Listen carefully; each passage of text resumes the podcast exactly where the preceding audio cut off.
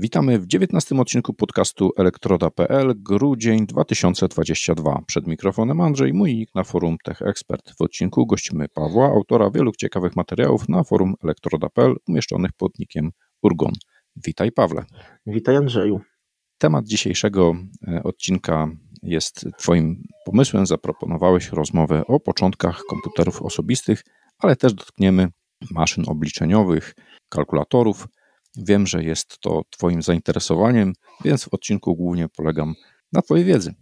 Tak, e, historia techniki i historia właśnie tych pierwszych komputerów e, to takie dość moje duże zainteresowanie. Chciałem nawet zbudować kilka emulatorów tych komputerów z początków e, czasów ich, ich powstawania i nawet kilka prototypów widziałem też produkowanych przez innych, na przykład komputerów przekaźnikowych. Był na to tym chyba artykuł w elektronice dla wszystkich.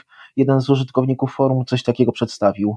Tak, komputery przekaźnikowe możemy tutaj zbudować przerzutniki, możemy wykonywać sumowanie, operacje. Oczywiście są to komputery wolne i głośne, ale w momencie, gdy mieliśmy do wyboru właśnie przekaźniki i lampy, to było to rozwiązaniem lepszym niż niedostępne e, tranzystory. Od jakiego rodzaju maszyn obliczeniowych zaczniemy? Od kalkulatorów mechanicznych i komputerów mechanicznych, bo to jest jakby powiedzieć logiczny początek. Czasy Charlesa Babbage'a i jego maszyny analitycznej i maszyny różnicowej. Obu projektów nie skończył, ale miały one ciekawą genezę, ponieważ Babbage brał udział, został członkiem komisji badającej przyczyny kilku wypadków morskich i odkrył, że problemem były tablice astronomiczne, które były używane do nawigacji. One są obliczane na, były obliczane na każdy rok od nowa i się okazało, że mają błędy. Więc Babbage zatrudnił kilku rachmistrzów, żeby siedli i policzyli te tablice niezależnie od siebie i odkrył, porównując dwie różne tablice, że mają liczne błędy. Końcu sam pole, policzył trzecią i odkrył, że jego też ma błędy. I stąd był pomysł, żeby zbudować maszynę różnicową, która będzie te tablice przygotowywać automatycznie. Ale tego projektu on nigdy nie skończył, bo się zaczął interesować bardziej rozbudowaną maszyną, maszyną analityczną, która już potrafiła przechowywać dane w pamięci, była programowalna i była całkowicie właśnie mechaniczna. Też jej nie zbudował, bo nie miał odpowiednich środków finansowych, ani odpowiedniej technologii, żeby wyciąć wszystkie te drobne elementy mechaniczne. Co ciekawe, próbowano ją odtworzyć i nie udało im się. Udało im się zbudować maszynę różnicową, spory kawałek tej maszyny różnicowej i on działał, ale analitycznie im się raczej nie udało. Ta ciekawostka jeszcze, on dużo korespondował z Lady Ada Lovelace. Gdy on pisał o swojej maszynie, jak ona będzie działać, ona pisała pierwsze programy na tę maszynę i wymyślała algorytmy i zasady programowania. Od niej wzięła się nazwa jednego z pierwszych języków programowania ADA i przy okazji imię mojej córki. Mechaniczne urządzenia obliczeniowe no, powstawały także w Polsce. Można znaleźć informacje o mechanicznych kalkulatorach, gdzie trzeba było kręcić korbą po to, aby były wykonywane obliczenia. Kasy sklepowe dość dawno tak, temu również właśnie, były w ten sposób nakładane. Głównie właśnie XIX wiek i początek XX wieku to były te kalkulatory mechaniczne, głównie maszyny sumujące i to było też produkowane właśnie w Polsce przez długi czas, bo jeszcze chyba do lat 70. nawet były w użyciu. Ja pamiętam taki kalkulator spotkałem w mojej szkole w 95 roku. Czy próbowałeś na nim podzielić przez zero? Nie dało się. Okej, okay. na niektórych dało się to wykonać, wtedy ta maszyna się zapętlała i no, nie wyświetlała błędu, ale cały czas no. wykonywała jakieś tak. mechaniczne ruchy. To były właśnie te pierwsze czasy, właśnie był ten Charles Babbage. Tutaj jeszcze się pojawiła logika Bula po raz pierwszy w tamtym, w tamtym okresie. To, byłem, to miało potem zastosowanie dopiero jak się pojawiły komputery przekaźnikowe i komputery całkowicie elektroniczne, ale już wtedy to pozostało po prostu opracowane. Po tym Babbage'u mieliśmy pierwsze maszyny sumujące, tabulacyjne. To był początek firmy IBM 1890 roku od spisu powszechnego w USA, gdzie jej założyciel zbudował maszynę tabulującą zapisane na kartach perforowanych wyniki spisu. I on, maszyna potrafiła dodawać 50 e, różnych wartości i je wyświetlać na 50 wskaźnikach. To rozumiem, że osoby, które wykonywały ten spis notowały to na kartach perforowanych. Na kartach. Mhm. Potem te karty były dostarczane do punktu, gdzie je tabulowano, wyniki notowano i przekazywano dalej. Dzięki temu jeden spis zajął im kilka miesięcy, a nie kilka lat. I od tej maszyny tabulacyjnej zaczęto produkować inne maszyny, na przykład sortujące karty perforowane i katalogujące. Co ciekawe, o tym IBM się nie chwali, ale sporo takich maszyn y, w latach 30. trafiło do nazistowskich Niemiec, gdzie kupowano po to, żeby katalogować Żydów. To również wojsko, zastosowania tak. wojskowe, tak. obliczenia tak, tak. na dużą skalę. Znaczy to nawet nie obliczenia, tylko bardziej właśnie rzeczy typu katalogowanie, y, sumowanie na przykład y, zarobków, takie proste rzeczy, bo to poza dodawaniem i odejmowaniem nie potrafiło robić zbyt wiele ale na przykład mnożenia czy dzielenia nie było, bo po prostu to trzeba było robić ręcznie, na kalkulatorach mechanicznych czasami, a czasami na kartce papieru nawet. I tutaj też jest ciekawy epizod, że e, w tych początkowych czasach, aż do zasadniczo końca II wojny światowej, było coś takiego jak posada ludzkiego kalkulatora, czyli człowieka, który jedyne co robi, to obliczenia. No i te ludzkie kalkulatory głównie pracowały e, w takich branżach jak obliczenia naukowe na potrzeby inżynierii wojskowej, lotnictwa czy łodzi podwodnych, jakie projektowano, albo do obliczenia informacji balistycznych e, dla pocisków e, artyleryjskich. Żeby przykładać tablice balistyczne potrzebne do tego, żeby wiedzieć, jak daleko pocisk poleci przy danym kącie i przy danej ilości ładunku. To oni się tym specjalizowali. Czy była grupa, która liczyła, grupa, która potrzebowała obliczeń, zostawiała im stertę e, papieru do obliczenia i pewnie następnego dnia dostawali. Albo następnego wyniki. miesiąca. Albo następnego miesiąca. To na razie no. jesteśmy w takim bloku prehistorycznym. Co tak. jeszcze możemy e, w tej prehistorii obliczeń? O tym na przykład może, warto wspomnieć pokazać. o tym, że Alan Turing w 1936 roku e, w swojej pracy doktorskiej bodajże e, zaproponował jako pierwszy stworzenie uniwersalnego komputera, który może obliczyć wszystko, jeśli ma wystarczająco dużo czasu i wystarczająco dużo pamięci. Tak, to było na pewno bardzo nowatorskie myślenie. Tak, tak jak tym, y, pokazywałeś, te maszyny były specjalizowane do tej pory. One robiły konkretne, były konkretne zastosowania zbudowane do masowych obliczeń, a tutaj był ten pomysł uniwersalności. Tak, zresztą to nawet to było tyle ciekawe, że on pierwszy zaproponował, żeby przechowywać program w maszynie i żeby maszyna mogła się też sama programować. Bo te wcześniejsze maszyny, kalkulatory mechaniczne mogły wykonywać wiele obliczeń, ale trzeba było te obliczenia ręcznie ustawić i po prostu na przykład kręcić korbą, żeby kolejne sumy czy mnożenia wykonywać. W tym samym czasie niejaki Zusew w Niemczech zbudował swój pierwszy komputer przekaźnikowy, a właściwie to kalkulator przekaźnikowy. Warto poszukać na YouTubie, jak działają takie maszyny. Niektóre jeszcze do tej pory znajdują się w muzeach, są nagrania. Jest to dość głośne, ale war warto zobaczyć, jak to działa. Nawet słychać moment, w którym e, te obliczenia zaczynają wchodzić w mhm. pętle, kończą się po prostu dźwięki, które wydaje ten komputer, zależą od tego, co robi. Tak. I one, ich głównym problemem było to, że były po pierwsze bardzo duże, bardzo ciężkie i dodatkowo bardzo wolne. I tutaj jeszcze jeden taki ciekawy aspekt to są komputery balistyczne, które były używane na statkach w czasie II wojny światowej. To jest bardzo ciekawe rozwiązanie bardzo skomplikowanego problemu. A problem wyglądał mniej więcej tak. Znasz kurs swojego statku i jego prędkość, znasz kurs statku wroga i jego prędkość i mniej więcej relatywny dystans między wami i jak ustawić działo, żeby trafić ten wrogi statek, wiedząc jeszcze przy tym, jakie masz parametry balistyczne ma twój pocisk. I rozwiązano to bardzo prosto za pomocą komputera, który używał e, przekładni zębatych, różnych mechanizmów mimośrodowych i tym podobnych.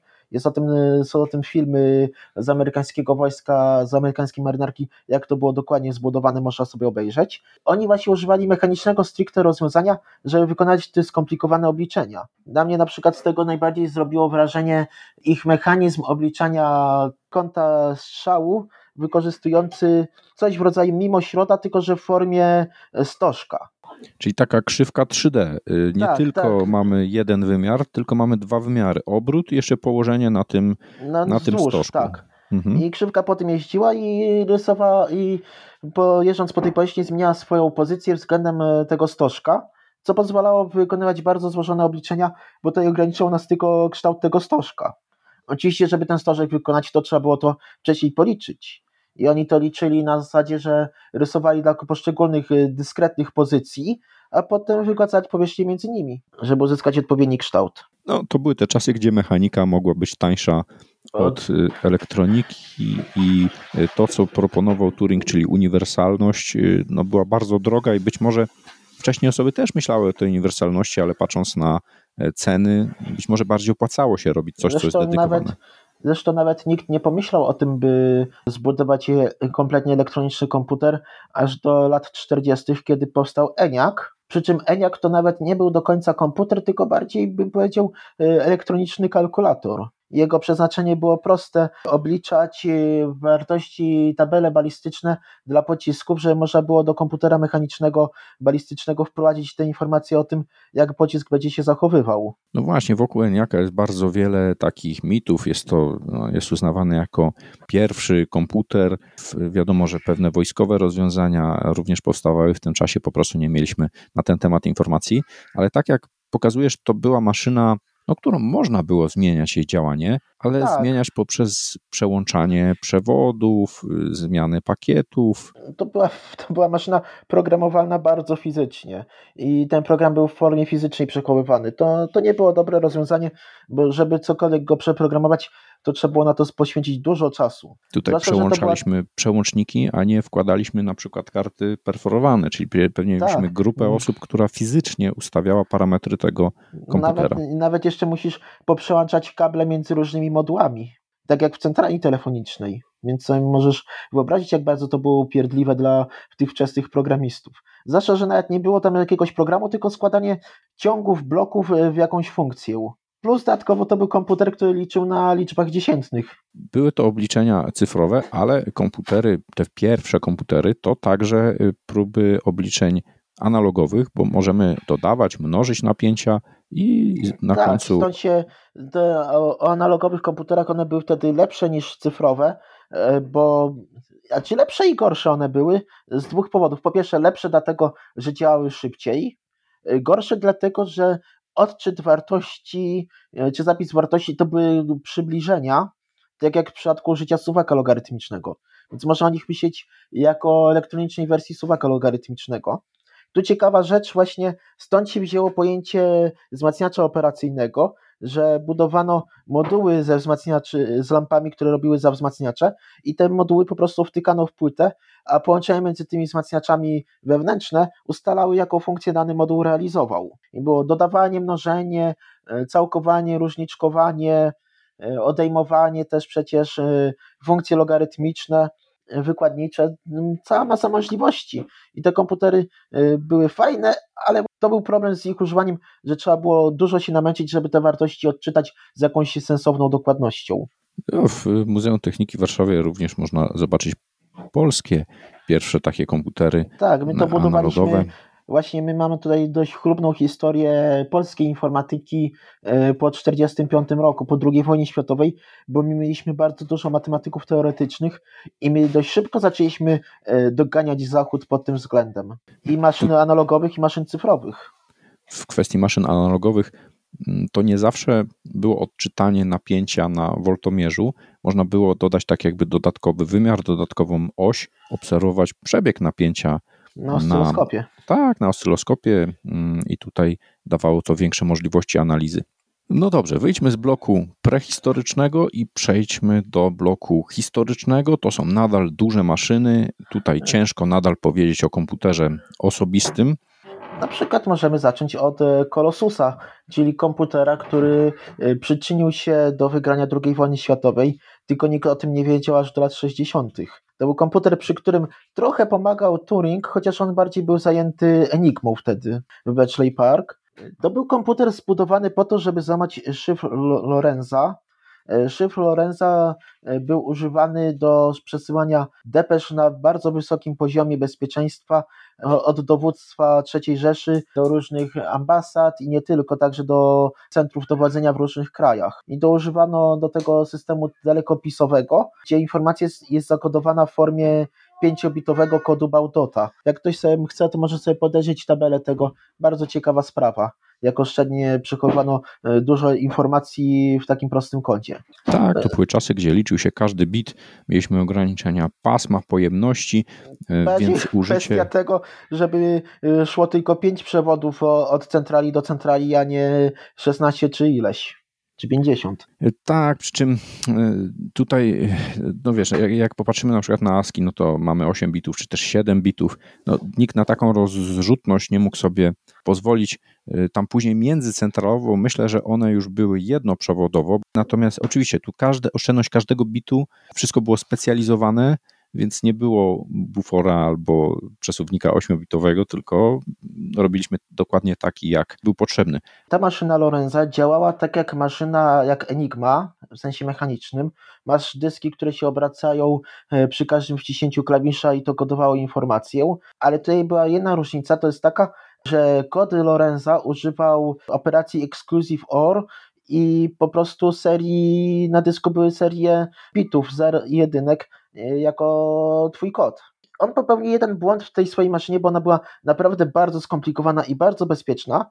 Tylko on zrobił tak, żeby każdy dysk, który odpowiadał za jeden e, strumień bitów e, z tego kodu Bautota, miał liczbę pierwszą jako liczbę bitów. I ktoś się zorientował, zobaczył jaka jest zależność binarna między tym, tym kluczem a strumieniem danych i znaleźć po prostu sposób matematyczny, żeby to matematyczno-statystyczny, żeby rozwiązać, jak jest zbudowana tarcza dla każdego strumienia danych i żeby potem ten kod bez problemu odczytać. I tutaj Colossus to był pierwszy komputer, gdzie program był już przechowywany w formie elektronicznej bardziej, chyba za pomocą karty dziurkowanych, ale jako danych on używał taśmy perforowanej, właśnie pięciobitowej, takiej jakiej używano do telegrafii i do dalekopisów i po prostu pętlę z taśmą, na której zapisane były depesze z danego dnia, przepuszczono przez tą maszynę bardzo szybko, a maszyna próbowała z wszystkich możliwych kombinacji, żeby znaleźć, czy strumień bitowy stanie się bardziej uporządkowany.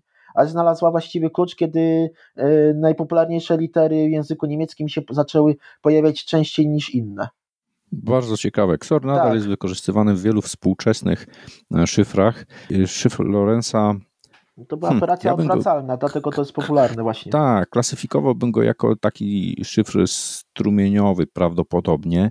Ta maszyna wytwarzała ciąg, który był ksorowany z, z depeszą, natomiast to, co opisałeś, to brzmi jak atak brute force. Colossus po prostu cały czas mielił ten e, komunikat, ksorował go z kolejnymi iteracjami. E, pozycji po prostu tych tak. tarcz. I no i plus ta ocena, czy mamy coś sensownego. Tam na pewno tak. było wiele fałszywych e, alarmów. Być może zauważyli, że na przykład e, depesze kończą się na... jakąś, jakimś słowem i to mogło być wyzwalaczem zatrzymania lub statystyka znaczy, występowania statystyka liter. i tam była stosowana właśnie e, po prostu maszyna drukowała, jaki by, jaka była wybrana pozycja, kombinacja i jaki był procentowa szansa od, odchyłka od tej losowej normy.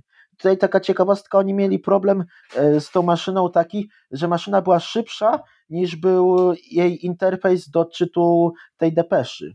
I oni musieli w końcu pójść na kompromis, więc depesz, pętla z depeszą przelatywała przez maszynę z prędkością 5000 znaków na sekundę.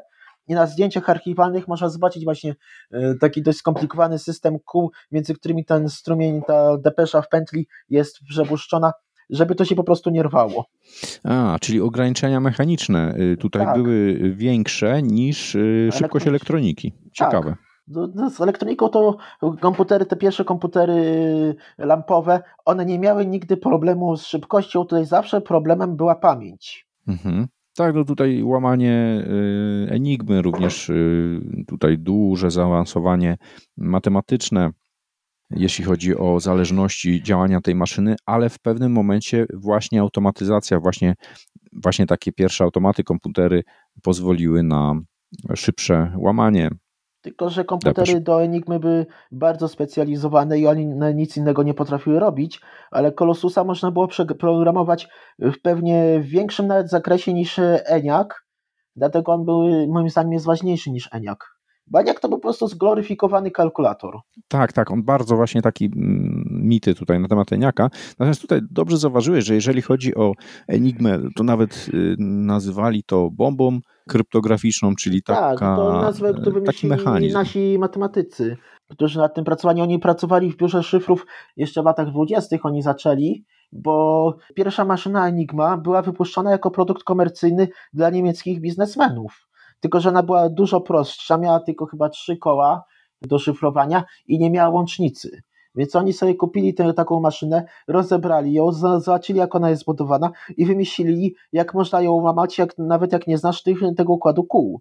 Tak, tutaj analiza naszych y, matematyków, y, Różycki, Zygalski, Rejewski, to są osoby, które no, rzeczywiście przeanalizowały taki model matematyczny, przygotowały, nie mieliśmy możliwości budowy takiej maszyny, no więc już My to dalsze... robiliśmy ręcznie. Tak, tak, my to robiliśmy e, Na ręcznie. przykład płacht Zygalskiego łamaliśmy te, te kody. To była mrówcza robota i bardzo powolna, ale potem jak wyszła Enigma wersja wojskowa, to nam się udało dlatego, że nazistowscy ci żołnierze od komunikacji, radiooperatorzy, oni byli leniwi i oni popełniali głupie błędy, na przykład czasami e, szyfrowali rzeczy, e, których nie powinni, albo używali tego samego klucza, żeby wysłać proste zapytanie typu jak mnie słyszysz? Tak. I, I na tym No, się no, właśnie się. wywalili parę razy i dzięki temu nasi matematycy mogli rozpracować, jak te koła były ustawiane, jakie były procedury. No dobrze, co po Kolosusie? Co dalej w tych dużych maszynach y, w bloku historycznym?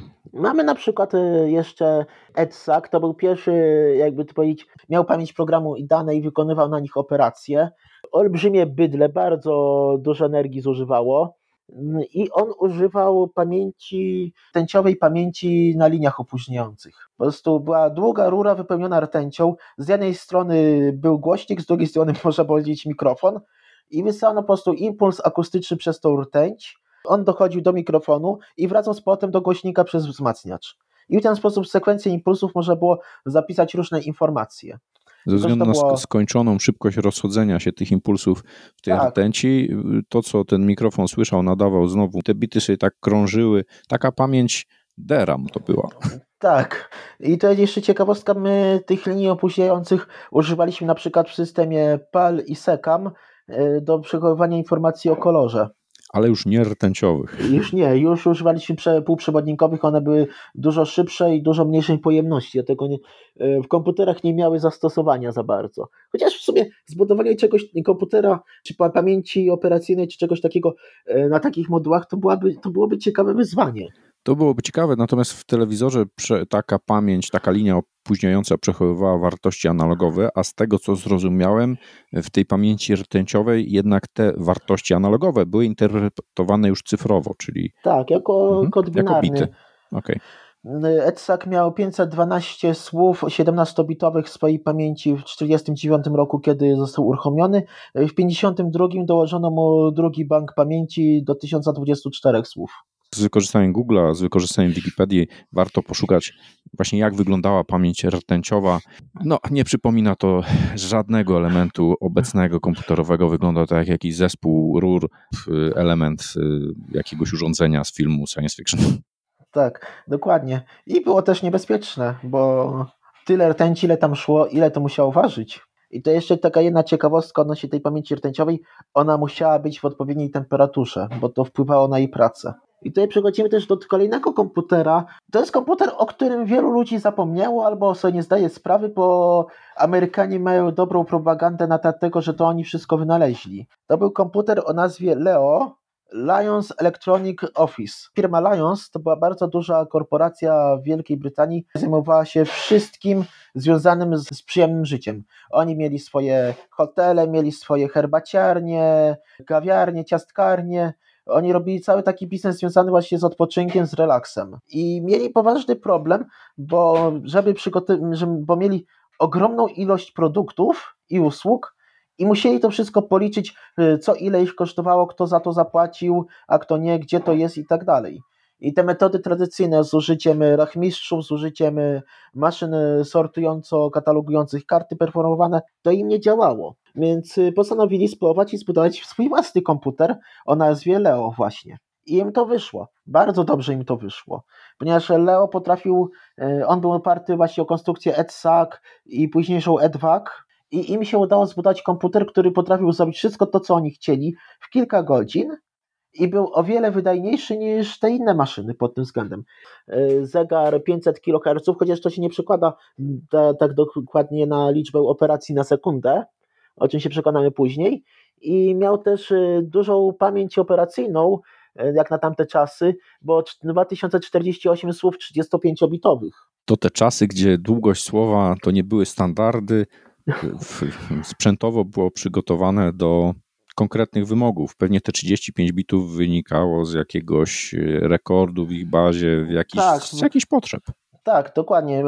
Musiał być nam, nam na przykład właśnie bit parzystości, z tego co pamiętam, bit, czy to jest liczba dodatnia, czy ujemna. Plus na przykład jak spojrzysz na liczby zmiennoprzecinkowe, to tam też nie masz, jakby to powiedzieć, okrągłych 8 bitów, tylko dużo więcej. No oczywiście, jeżeli by potrzebowali tylko 34 bity, na pewno nie robiliby 35-bitowego. To były takie czasy, gdzie nikt nie myślał o takim nadmiarze, bo to wszystko kosztowało bardzo dużo pieniędzy. I to jeszcze ciekawostka, jak taki komputer się używało, bo oni nie tylko robili te swoje rzeczy, ale oni udostępniali ten komputer też innym firmom w, w miarę potrzeb, jak potrzebowały coś szybko policzyć. I procedura była bardzo prosta. E, ktoś pisał program na taśmie perforowanej, ten program był łączony razem z innymi programami i, i danymi, zanoszono do, do Leo i jedna osoba po prostu ten program ładowała program e, na taśmie, ładowała dane na kartach do czytnika kart perforowanych i program się wykonywał biorąc kolejne karty, a potem drukował albo na papierze, albo dziurkował na kartach czy na taśmie wyniki na potrzeby e, tej osoby, która to programowała. Przy czym jeszcze inna ciekawostka, e, to były wszystko komputery lampowe. I to był duży problem, jeżeli chodzi o zużycie tych lamp. I tak na przykład ENIAC potrzebował 18 tysięcy lamp i dziennie mu się paliło 50. No więc w przypadku Leo, żeby poprawić jego niezawodność, znaleźli na to sposób. Po prostu komputer cały czas pracował, cały czas było włączone żarzenie tych wszystkich lamp i codziennie przez dwie godziny technicy chodzili i pukali w każdą lampę. Wtedy komputer nie pracował, tylko samo zażarzenie działało. Jak lampa się spaliła, to należy wymienić. to był sposób... czas, kiedy czas komputera też, y, z tego co opowiadasz, był sprzedawany. Y, tak. No, podobnie jak teraz w usługach chmurowych kupujemy również czas komputera, kupujemy pamięć, kupujemy CPU. Tak, dokładnie. To była. Yy, tylko, że oni to robili raczej tak bardziej na uboczu, nie jako swój główny biznes. Niestety... No tak, skoro ten komputer y, tam już był i mógł jeszcze zarabiać dodatkowo, to czemu nie? Dokładnie. Zwłaszcza, że dzięki temu mogli pokryć koszty jego utrzymania. Oni nawet zaczęli produkować kolejne komputery z tej, e, te komputery na potrzeby innych firm. Tylko ten biznes, jakby to powiedzieć, y, to im nie za bardzo pykło, bo y, przez to, żeby to był taki duży moloch, duża korporacja, to po prostu zaczęli popadać w tarapaty finansowe zamiast sprzedać część poświęconą, dział poświęcony właśnie na przykład e, produkcji tych e, bułek szwajcarskich, gdzie oni mieli maszynę, która produkowała je na kilometry, dosłownie, zamiast pozbyć się tego działu produkcyjnego czy działu na przykład hotelarskiego, to oni się pozbyli działu komputerowego, a potem i tak zbankrutowali. No tak, nowe technologie, a tutaj już większość rzeczy robili od dawna i wydawało się to jako coś pewnego. Co dalej? No tutaj jeszcze warto jeszcze wspomnieć o tej, o tej pamięci, że, że tutaj było dość duże ograniczenie z tą pamięcią polegało na tym, na jej pojemności i na, i na jej prędkości, bo prędkość komputera była zależna od prędkości pamięci. Jeśli chciałeś mieć większą pamięć, to jedyna opcja to albo właśnie e, karty perforowane, taśma perforowana, albo na przykład taśma magnetyczna, czy pierwsze pamięci, pierwsze bębny magnetyczne jako, jako swoiste dyski twarde. I te pamięci, one były dużo wolniejsze niż e, pamięć, którą miał komputer w tej swojej linii opóźniającej, czy późniejsza pamięć zrobiona na rdzeniach magnetycznych. Więc często była sytuacja taka, że komputer pracował asynchronicznie. Używał swojej pamięci operacyjnej, żeby wykonać operacje bieżące, tymczasem inna część realizowała dostęp do wolniejszych typów pamięci i wczytywanie tego do RAMu. Czyli zasadniczo miałeś ten przodek tego systemu DMA wtedy. No tak właśnie pomyślałem, że podobnie jak DMA, no i TED też powstał e, e, w tamtych czasach, e, początki, pierwszy taki dość udany komputer komercyjny, Univac 1, tysiąc słów pamięci 12-znakowej, nie bitowej, oni nawet wtedy już bitów nie używali tylko znaków, prędkość 1000 operacji na sekundę przy zegarze 2,2 MHz. Dość duża częstotliwość, jak, jak na te początki. Tak, i to wszystko jeszcze nadal lampowe ale to był komputer, który sprzedawano komercyjnie, można go było kupić, chociaż ceny były zabójcze. Było kilka egzemplarzy trafiło na przykład tego Univaca 1 i późniejszych różnych wariantów, jak na przykład Univac Lark, trafiło do różnych gałęzi amerykańskiego wojska. Wtedy też się właśnie pojawiła ta pamięć bębnowa, ale z tą pamięcią bębnową to był jeden taki śmieszny epizod, jak próbowano zrobić komputer mobilny z takim dyskiem. Z gdzie pamięcią taki- bębnową. Tak, z pamięcią bębnową. I się okazało, że jeżeli skręcał w prawo ten pojazd, którym ten komputer był wieziony, gdy pamięć pracowała, to, to pojazd się przewracał. Więc y, po tej pierwszej nieudanej próbie y, zrobiono drugą pamięć, gdzie bęben był podzielony na dwie części. Jedna część się kręciła w jedną stronę, druga w drugą i to było dużo stabilniejsze, ale w ostateczności z tego zrezygnowano całkowicie, bo uznano, że raczej nikomu taki przewoźny komputer się nie przyda za bardzo. No tak, zanim pojawiły się y, pamięci, w których wirowały dyski, najpierw były takie pamięci bębnowe, bęben powiedzmy jak w pralce, a Tak. e, na, nad powierzchnią znajdowały się głowice. I to nie jedna, tylko nawet 50 albo i 100. Tak, tak. Ba- Było ich bardzo wiele. No i problemem oczywiście były dokładności wykonania, bicie takiego bębna, y, Masa. No, masa, zatrzymanie y, głowicy, zatrzymanie bębna z przyłożonymi głowicami, to taka pamięć już się, taki bęben już się nadawał do wyrzucenia. No tam to było bardzo, bardzo wiele problemów, aż wreszcie pojawiły się dyski, nad którymi y, unosiły się głowice. To było znacząco no, lepsze rozwiązanie, patrząc y, pod kątem możliwości, ale też podejrzewam, że może łatwiej na początku było wykonać taką pamięć bębnową. Być może Tak. to były ograniczenia technologiczne. Tak, i w ogóle oni nie myśleli o dyskach w tamtych czasach. Myśleli właśnie o w kategorii bęben albo ewentualnie taśma magnetyczna. I te charakterystyczne, widziane często właśnie w różnych filmach, e, wielkie szafy, gdzie masz dwa dwie tarcze na górze i dalej i dużo, dużo nic. I ludzie się zawsze zastanawiali, e, co tam jest w środku, a tam w środku po prostu strefa niskiego ciśnienia, żeby taśmę naciągnąć. Tak, no właśnie, tutaj pamięć taśmowa to ten problem, e, aby dostać się do określonego miejsca, trzeba ją było przewinąć, więc żeby czas. się nie rwała, żeby się nie rwała, to oni zrobili bardzo sprytną sztuczkę wtedy, zrealizowali. Po prostu taśma szła od e, szpuli w dół do specjalnej komory, potem zawracała z potem do góry, do mechanizmu magnetofonowego, gdzie była głowica i gdzie były dwie szpulki dociskowe połączone razem, które przesuwały taśmę, potem z powrotem e, w dół do drugiej komory i na drugą szpulę. W komorach było utrzymywane niskie ciśnienie za pomocą e, pompy powietrza, która je po prostu wysycała. Szpule pracowały tylko wtedy, kiedy taśma była za bardzo na dole albo za bardzo na górze w środku, a wszystko inne załatwiały po prostu sensory optyczne to mierzyły i sterowały tymi silnikami. Stricte mechaniczne rozwiązanie. No i taśmy nadal są obecne w obecnej informatyce, we współczesnej Tak. informatyce, jeśli chodzi o pamięci LTO, ale to już typowe zapis bardzo dużej ilości danych, po prostu archiwizacja danych. Tak. Natomiast w tych pierwszych komputerach pamięć taśmowa można powiedzieć, że była taką pamięcią zarówno programu, ale też pamięcią, na której coś zmienialiśmy, mm, czyli no, musieliśmy otrzymywać dostęp do poszczególnych miejsc na taśmie. Były szafy, na których mieliśmy mm, dyski, do których wkładało się Całą kasetę z dyskiem. całą kasetę z dyskiem. O, zabrakło mi określenia, jak to nazwać, bo wkładaliśmy tą kasetę i tam głowica e, uzyskiwała dostęp, no i tu było to znacznie szybsze, bo jednak ruch głowicy na powierzchni Dysk. dysku był znacznie szybszy niż przewijanie taśmy. I to jeszcze ciekawska, że, bo, że, go, że ta kaseta z dyskiem to mogło być więcej niż jeden dysków na dysku. W sensie, że masz całą stertę dysków, powiedzmy 6 czy 8 i zespół głowic się po prostu wsuwał między te dyski, gdy e, napęd startował. Bo to jeszcze musimy się cofnąć jeszcze kawałeczek, e, na przykład do pierwszego komputera poniekąd tranzystorowego.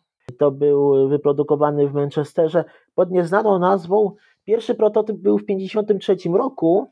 Ja miał 92 tranzystory e, germanowe, a to był ta, ta pierwsza generacja tranzystorów i one były bardziej wadliwe i częściej się psuły niż lampy. Ale go zbudowali, przetestowali i w 1956 zbudowali drugą generację, która już miała 200 tranzystorów. I to było tyle sensowne, że zużywał 150 watów zamiast e, 11 kW, jak, te, jak na przykład Univac. No tak, czyli lampy zastąpiliśmy tranzystorami Głównie właśnie germanowymi, oszczędności- idiodami. Tak, głównie dla oszczędności energii, nie? Tak, Oszczędność no energii, pierwszy- oszczędność miejsca. Tak. I pierwszy w ogóle komputer taki całkowicie tranzystorowy, gdzie wszystko, e, gdzie nie było ani jednej lampy, bo ten pierwszy to miał lampy na przykład w zegarze. E, To był e, Harwell Cadet, pierwszy i on był wyprodukowany w 50 chyba 6 roku. W tej samym, albo w 58. I w tym samym roku też e, na MIT powstał, e, na Massachusetts Institute of Technology powstał TX-0, też komputer tranzystorowy, ale on jest istotny nie dlatego, że był jakąś potężną bestią czy czymś takim, tylko dlatego, że naprzeciwko miejsca, gdzie ten komputer przebywał, znajdował się klub miłośników modelarstwa kolejowego, gdzie kolejarze budowali swoje bardzo skomplikowane makiety ze sterowaniem opartym na przekaźnikach i elementach z central telefonicznych i oni patrzyli na ten komputer tęsknym wzrokiem, żeby zobaczyć, co można z niego zrobić i gdy w końcu uzyskali jako studenci do niego dostęp, to na nim zaczęli tworzyć e, bardzo ciekawe i skomplikowane programy. To były właśnie późne lata, te lata 60. już się wtedy zaczęły, gdy oni to zaczęli to robić, bo MIT wtedy dorobił się lepszych komputerów e, komercyjnych już. Więc to był bardzo ważny etap, jakby to powiedzieć, tworzenia kultury informatycznej.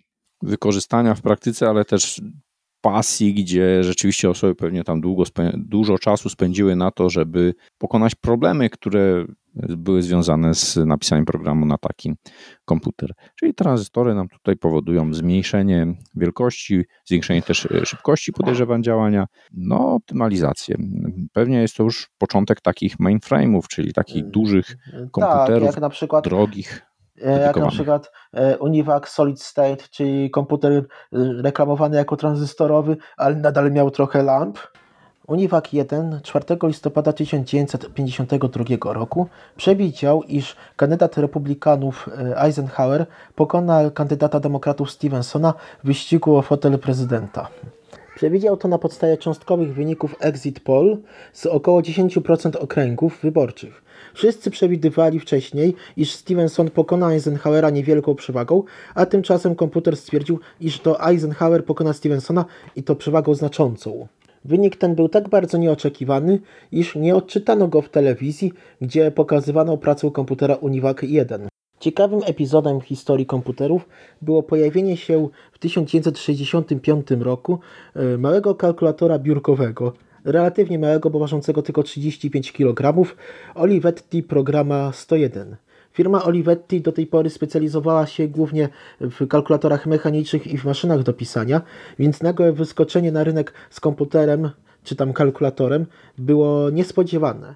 Co ciekawe, Olivetti Programa 101 była komputerem, kalkulatorem programowalnym, dość zaawansowanym jak na swoje czasy i posiadała wewnętrzną pamięć o pojemności 240 bajtów. Jako interfejsu używała drukarki i klawiatury. Programy można było też zapisać na kartach przypominających karty telefoniczne. Olivetti Programa 101 okazała się być sukcesem komercyjnym, gdyż wyprzedzała swoje czasy. Praktycznie od lat 50. komputery kojarzyły się ludziom z wielkimi, ciężkimi maszynami pełnymi tajemniczych, migających światełek. To spowodowało powstanie całej serii śmiesznych notatek pod wspólną nazwą Blinken Lights.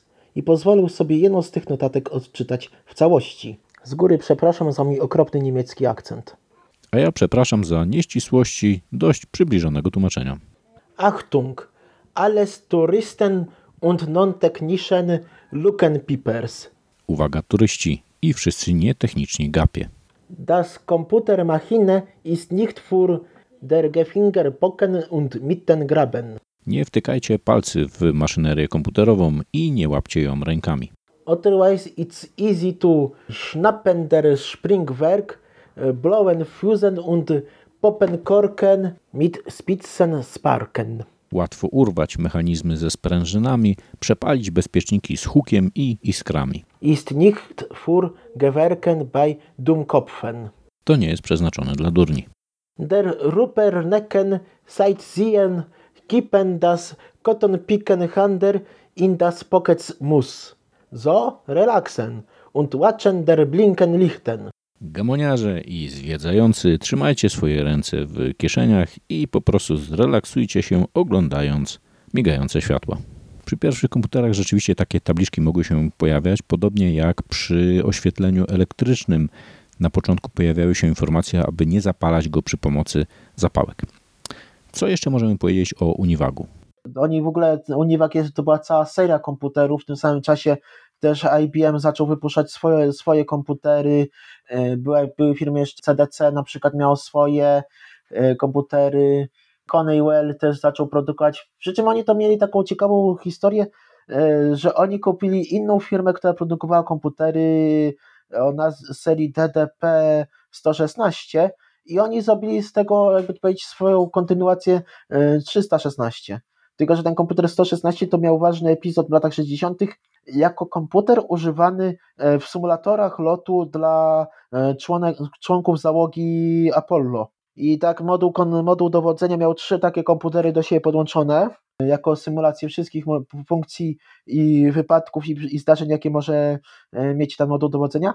Moduł lądownika, ze względu na to, że był bardziej specjalizowany, to miał tylko dwa komputery do siebie przypisane. Czyli łącznie na jeden symulator lotu mieli pięć komputerów, a to nie były tanie rzeczy. E, taki typowy system DTP-116 kosztował 16 e, do 20 tysięcy dolarów wtedy, w początku lat 60.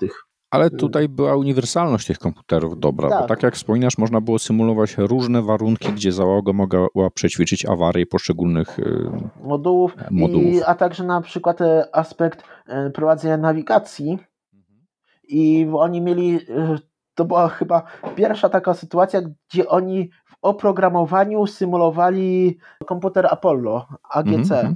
Oni emulowali to w oprogramowaniu, nie w sprzęcie. Zwłaszcza, że wtedy jeszcze na AGC e, programy powstawały i były opracowywane. I tutaj Amerykanie znaleźli ciekawe obejście problemu e, przechowywania tego programu na czas lotu w pamięci. Nie mogli wziąć ze sobą bębna, bo za duży. Dyski za małe i jeszcze wtedy nie były i też były problematyczne w użyciu. Taśmy odpadają, bo za wolne. I wiesz co oni zrobili wtedy? stworzyli sznurową pamięć e, rdzeniową.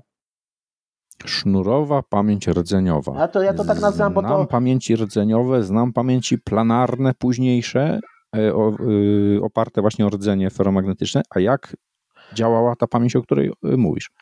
Była, była bardzo prosta i miała bardzo dużą pojemność yy, przy małym rozmiarze relatywnie. Masz rdzenie, powiedzmy 256 rdzeni ułożonych jeden obok drugiego przepuszczasz przez nie y, jeden przewód, który je wszystkie polaryzuje.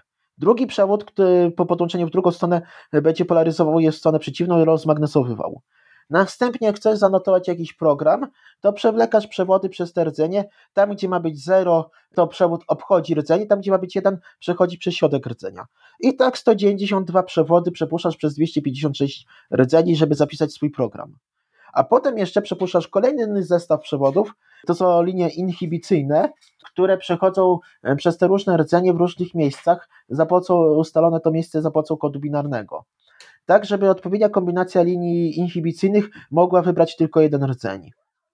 No ale poczekaj, no to to jest po prostu jeden wiersz z takiej pamięci rdzeniowej, które były na przykład w odrach. Y, po w tych wszystkich tam... wczesnych komputerach. Tak, tak, tak. tak. No, no, ale to ja nie widzę jaka jest różnica pomiędzy takim, gdzie ja na jednym przewodzie to mam, a takie dwuwymiarowa jest nawet lepsza, bo mam y, jakby więcej takich y, wierszy. Rzecz polega na tym, że jeżeli ci się uda wybrać tylko jeden rdzeń za bardzo linii inhibicyjnych mm, i puścić ten impuls polaryzujący, to wszystkie te 192 przewody, które przechodzą przez ten rdzeń albo obok tego rdzenia, dadzą ci 192 bajty, bity e, danych. Oni tam używali, to było, oni wybrali taką liczbę, bo oni używali e, słów 12-bitowych, więc jeden rdzeń to było jakby to powiedzieć 16 słów. Pomnóż to sobie razy 256 a potem jeszcze razy dwa i masz jakby to powiedzieć pamięć AGC. Jeden moduł pamięci AGC, oni mieli dwa takie moduły. Mhm. No dobrze, czyli mam pamięć, którą mogę zmieniać jej zawartość nie, elektronicznie. Nie, możesz. Możesz ją tylko zaprogramować raz przez zaplatanie tych przewodów, dlatego to się nazywa pamięć sznurowa. Dobrze, rzeczywiście, ok. W tych typowych pamięciach, yy, tych takich ferromagnetycznych, czy też, yy, jak one się właściwie nazywają? Te yy. pamięci z tymi rdzeniami, core memory, czyli jakieś y, pamięci rdzeniowe, z tego tak. to one są elektronicznie programowalne i odczytywalne, natomiast ta pamięć była programowana poprzez przewlekanie przewodów. Tak, więc jak oni opracowali na innych komputerach, opracowali w, w emulacji y, program dla AGC, to oni ten program, ten listing programu przekonwertowali na wartość binarną i potem wysłali to wszystko, żeby biedne kobiety zaczęły ten, ten sznur zaplatać. I potem jak one zaplotły taki każdy z tych sznurów, to potem go porównywano z danymi zapisanymi e, na taśmie perforowanej, czy wszystko się zgadza, czy wszystkie adresy są poprawne, mają poprawną zawartość. No, okay. i tak musieli zrobić y, z 12 czy 18 takich y, zestawów dla poszczególnych, dla komputerów AG, AGC, dla Apollo, żeby mieć po prostu zapas.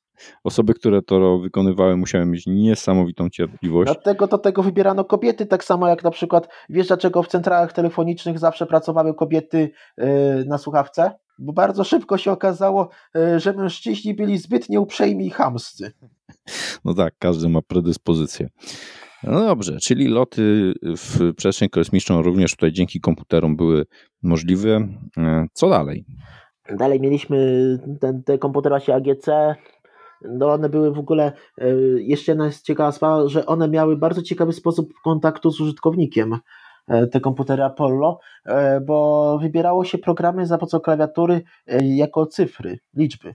I w czasie misji Apollo 8 bodajże Lowell albo Anders, jeden z tych dwóch, popełnił głupi błąd, i, bo chciał uruchomić program numer 23 dla gwiazdy 01, żeby ustalić pozycję statku w czasie powrotu na, ziemi, na Ziemię.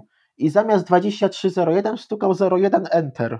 I to spowodowało, że komputer uznał, że startują właśnie z przodka Canaveral, więc wymazał wszystkie dane nawigacyjne. I oni potem przez pół godziny musieli się miotać, najpierw żeby ustabilizować położenie statku, by przestał się kręcić, bo nagle zaczął, a potem musieli spędzić kolejne pół godziny, e, żeby złapać e, mniej więcej orientację, gdzie są różne gwiazdy i je wprowadzić z powrotem do komputera. Świetne. To jeszcze nie były czasy, kiedy komputer pytał się, czy jesteś pewien, że chcesz skasować wszystko. tak.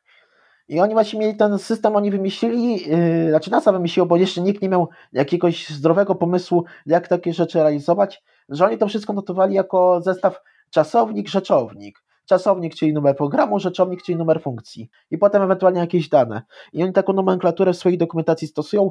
Zresztą tę dokumentację każdy może zobaczyć, bo NASA wszystkie dokumenty udostępnia. Ciekawe, czyli wybrał usuń wszystko. znaczy ten, zaczynamy od początku, dopiero startujemy. No to, to takie właśnie yy, takie pierwsze wpadki. I ten komputer o DTP 116 potem stał się Honeywellem 316 i w 69 roku to był pierwszy komputer, który każdy mógł sobie kupić. O ile posiadał odpowiednią ilość pieniędzy. Tak, ale to sprzedawano w katalogu świątecznym. Czyli mamy początek komputerów osobistych. Tak, tylko teraz ja ci powiem, y, to była ciekawa sprawa, bo ten Honeywell 316 został nazwany komputerem kuchennym. To miał być komputer dla pani domu. Nawet to reklamowali, gdyby ona umiała tak dobrze gotować, jak Honeywell umie, go, umie liczyć. Więc za kwotę 10 500 dolarów, czyli na nasze jakieś w tej chwili 350 tysięcy złotych, dostajesz ważący kilkaset kilogramów, chyba za 200 e, komputer, mający 4 kilobajty pamięci operacyjnej, e, w formie pięknego piedestału z tacą, na której możesz coś sobie pokroić, kurs programowania trwający dwa tygodnie, dwie książki kucharskie i fastuszek dla żony. No takie były początki. Tak, nikt ale... tego nie kupił, ale można było. E, sposób używania tego komputera był E, właśnie ten kurs programowania był wymagany, dlatego że za interfejs robiły lampki i przełączniki. Nie było normalnych wyświetlaczy, nie było żadnych zdań, tylko wszystko trzeba było odczytywać binarnie. Więc użyteczność ograniczona. Użyteczność żadna, natomiast początki zawsze są y, trudne.